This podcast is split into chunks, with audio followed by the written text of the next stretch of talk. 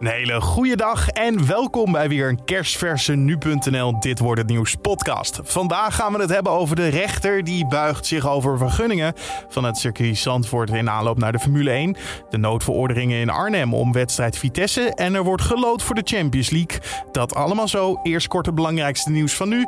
Mijn naam is Carne van der Brink en het is vandaag donderdag 26 augustus. Drie bussen met daarin ongeveer 140 Nederlandse Afghanen zijn afgelopen nacht alsnog op het vliegveld van Kabul aangekomen. Dat gebeurde na een slopende dag. De toegangspoort naar het vliegveld werd niet lang daarna gesloten. De Nederlandse paspoorthouders behoren tot de laatste groepen die nog veilig op het vliegveld zijn binnengekomen. De Amerikaanse ambassade roept op haar website iedereen die nog bij het vliegveld is daar weg te gaan. De terreurorganisatie IS zou verschillende aanslagen in voorbereiding hebben op het vliegveld, meldde CNN op basis van anonieme bronnen. In alle cao's die dit jaar zijn afgesloten is duidelijk een corona-effect terug te zien. Zo krijgen werknemers in de voedingsindustrie, denk aan supermarkten, er zo'n 3% loon bij. Maar is in de horeca niet veel ruimte voor extra loon. Dat blijkt uit een analyse van werkgeversvereniging AWVN. Werknemers in de bouw- en metaalsector zijn er volgens de CAO relatief veel op vooruit gegaan. Voor mensen in de financiële dienstverlening viel het juist afgelopen jaar tegen. In Dordrecht is gisteravond een schietpartij geweest en daarbij raakten twee politieagenten en een andere persoon gewond. Drie verdachten zijn opgepakt en er zouden op meerdere plekken geschoten zijn. Dat hoorde ook deze vrouw, zo zei ze tegen Rijnmond. Ik dacht eerst dat het vuurwerk was, maar eigenlijk na het tweede schot hoor je dat het geen vuurwerk is. Eerst zag ik een politiebus in de straat rijden. Daar heb ik naar gekeken en die ging de straat uit. En toen ben ik gaan zitten bij de televisie en toen werd er geschoten. En dan hoor je gillen en ben ik niet gelijk naar buiten gegaan. En toen ze de harde knallen had gehoord, had ze gelijk een vermoeden wat het zou kunnen zijn. Ik dacht, dat is foute boel. En dan denk je ook wel aan de straat hiernaast, inderdaad. Omdat daar toch wel een beetje schimmige mensen zitten. Meerdere straten zijn afgezet voor onderzoek. Waarom er werd geschoten is nog altijd onduidelijk. En Qatar moet de dood van duizenden arbeidsmigranten beter onderzoeken. Daarvoor pleit Amnesty International in een nieuw rapport. Volgens Amnesty tonen statistieken aan dat meer dan 5000 buitenlanders in negen jaar tijd zijn overleden. In de meeste gevallen wordt de reden van overlijden toegeschreven aan natuurlijke oorzaken of een hartstilstand.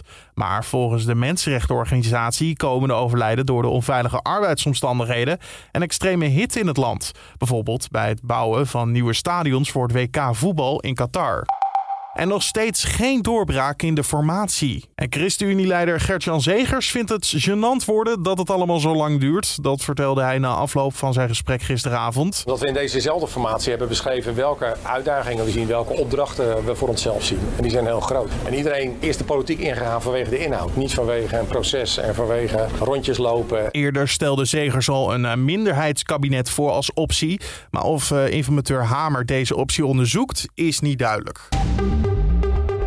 En dan kijken we naar de agenda van vandaag, oftewel dit wordt het nieuws. Ruim een week voor de start van de Dutch Grand Prix buigt de rechter zich vandaag over een zaak over afgegeven vergunningen aan circuit Zandvoort. Het driedaagse race-evenement begint volgende week vrijdag, maar Milieuclub Mobilization for the Environment wil dat de vergunning voor het organiseren van de Formule 1 wordt geschorst. In duidelijk taal, waar draait deze zaak nou om? Daarover hoor je binnenlandverslaggever Job van der Plicht in gesprek met collega Julien Dom. Nou, eigenlijk kort omschreven om bescherming van de natuur. Het Formule 1-circuit in Zandvoort dat uh, ligt in een, uh, in een zwaar beschermd natuurgebied. Um, daar wordt uh, begin september wordt daar dus een race-evenement gehouden.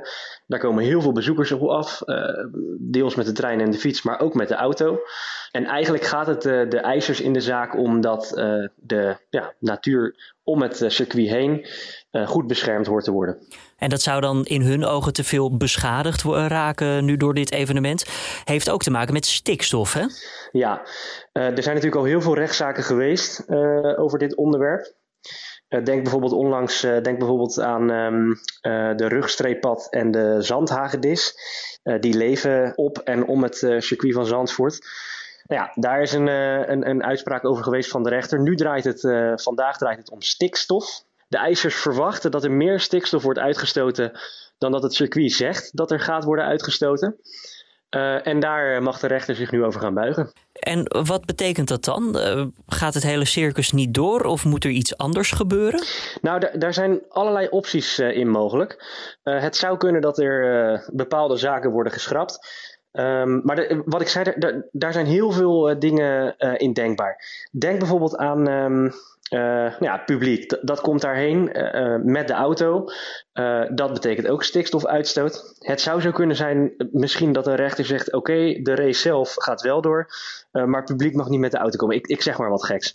Um, in het allerextreemste geval kan het inderdaad zo zijn dat de rechter ook zegt.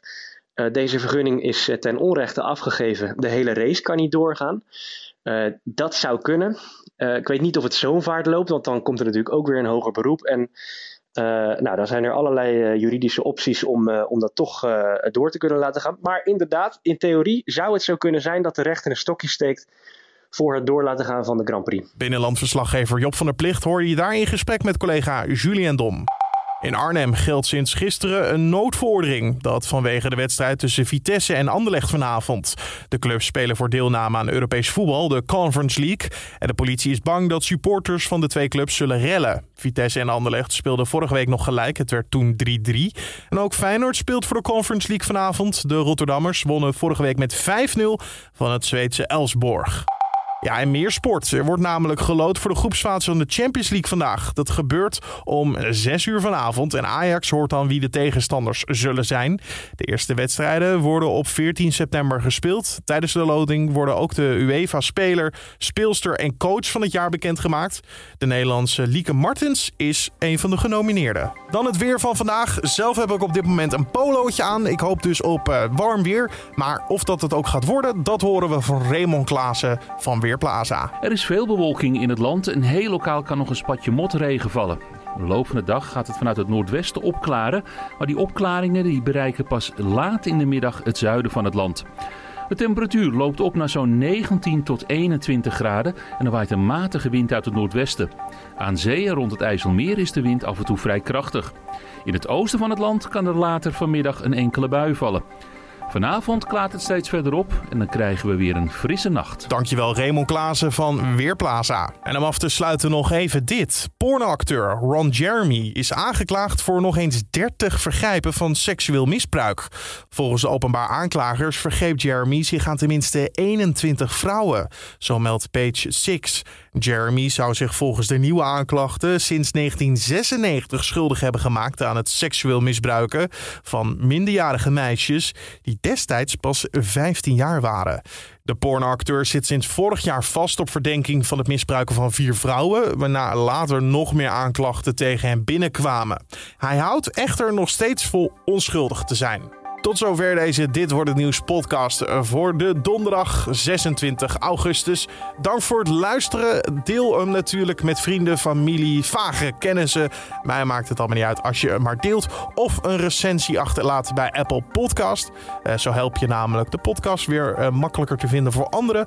Hij is elke ochtend rond 6 uur te beluisteren op de voorpagina van nu.nl en in je favoriete podcast app. Je kan je ook gratis abonneren, zo mis je geen aflevering. Mijn naam is Carne van der Brink. Een hele mooie dag en bedankt voor het luisteren.